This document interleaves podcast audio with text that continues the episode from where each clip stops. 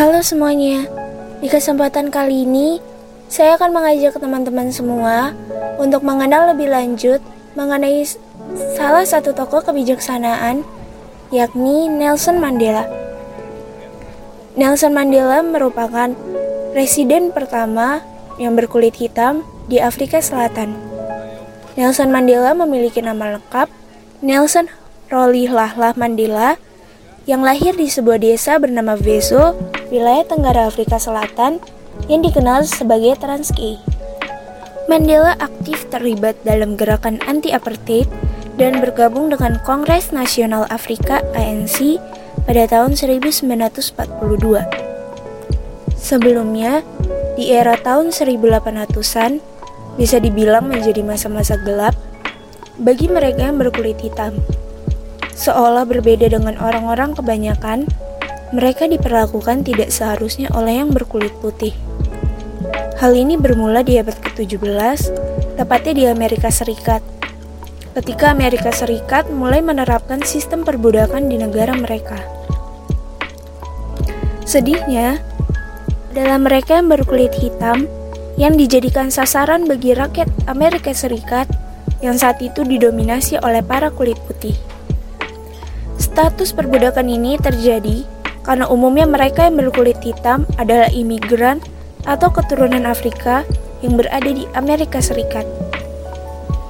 Afrika sendiri pada saat itu menjadi negara yang dianggap miskin dan terbelakang jika dibandingkan dengan negara-negara lain di dunia. Mandela mengambil tempat Suma pada eksekutif nasional ANC pada bulan Maret 1950. Dan pada tahun yang sama, terpilih sebagai Presiden Nasional ANCYL.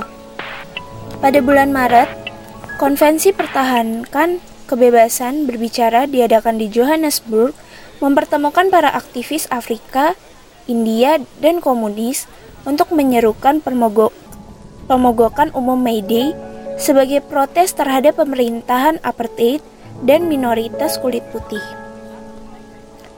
Mandela menentang pemogokan karena itu multirasial dan tidak dipimpin ANC. Tetapi, mayoritas pekerja kulit hitam ikut serta yang mengakibatkan meningkatnya penindasan polisi dan pengenalan undang-undang penindasan komunisme pada tahun 1950 yang mempengaruhi tindakan semua kelompok protes.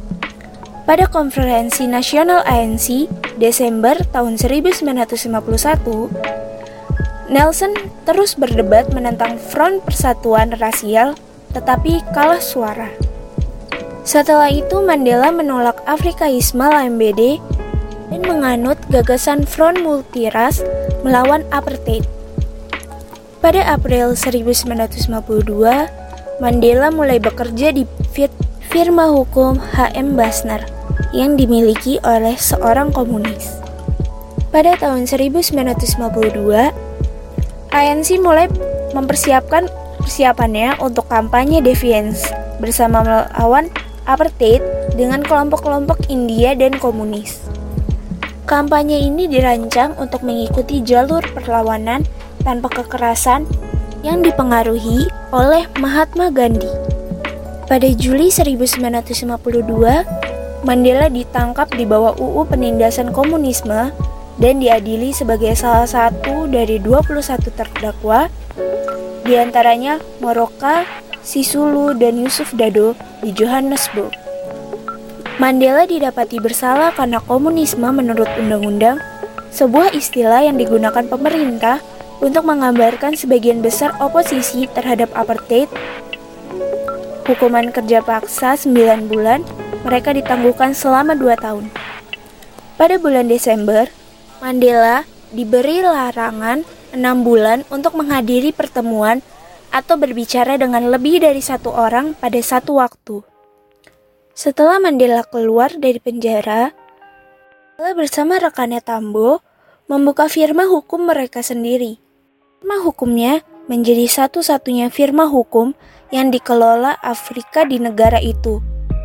Singkat cerita, setelah mengambil bagian dalam protes yang gagal, untuk mencegah relokasi paksa, semua orang kulit hitam dari pinggiran kota Soviet Town di Johannesburg pada Februari 1955, Mandela menyimpulkan bahwa tindakan kekerasan akan terbukti perlu untuk mengakhiri apartheid dan aturan minoritas kulit putih. Atas sarannya, Sisulu meminta persenjataan dari Republik Rakyat Tiongkok yang ditolak. Meskipun pemerintahan Cina mendukung perjuangan anti-apartheid, mereka percaya gerakan ini tidak cukup siap untuk perang gerilya. Lanjut ke Desember 1956, Mandela ditangkap bersama sebagian besar eksekutif nasional ANC dan dituduh berkhianat tinggi terhadap negara. Diadakan di penjara Johannesburg, di tengah protes massa, mereka menjalani pemeriksaan persiapan sebelum diberikan jaminan. Pada bulan April 1959, orang Afrika tidak puas dengan pendekatan Front Persatuan ANC yang mendirikan Pan Afrikanis Congress atau PAC. Mandela tidak setuju dengan pandangan pengucilan ras PAC yang menggambarkan mereka sebagai tidak dewasa dan naif. Singkat cerita, setelah dirinya digulirkan sana-sini karena isu perpolitikan hingga keluar masuk penjara, karena suara dan pergerakan yang lantang, akhirnya Mandela sampai pada titik di mana semua perjalanannya terbayarkan. Tahun 1994, Afrika Selatan menggelar pemilu secara demokratis untuk pertama kalinya. Pada saat itulah Nelson Mandela terpilih menjadi presiden kulit hitam yang pertama pada tanggal 10 Mei 1994 ketika usianya sudah tidak lagi muda yaitu 77 tahun. Di masa pemerintahannya dari 1994 hingga akhir pemerintahannya, yaitu Juni 1999, Mandela bekerja keras untuk mewujudkan transisi dari aturan minoritas dan apartheid menjadi aturan mayoritas kulit hitam. Mandela mengundurkan diri pada tahun 1999 setelah satu masa jabatan sebagai presiden. Nelson Mandela wafat pada 5 Desember 2013 usia 95 tahun. Ia wafat setelah menderita infeksi paru-paru pada Januari 2011. Nelson Mandela akan selalu dikenang sebagai revolusioner perdamaian bagi bangsa Afrika maupun bagi dunia. Mandela secara luas dianggap sebagai pemimpin karismatik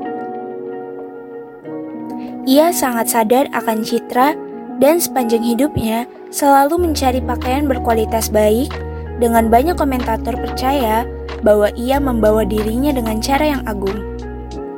Saat tinggal di Johannesburg pada tahun 1950-an, ia memupuk citra pria Afrika yang memiliki pakaian yang diperas, perilaku yang benar, dan pidato publik yang termodulasi.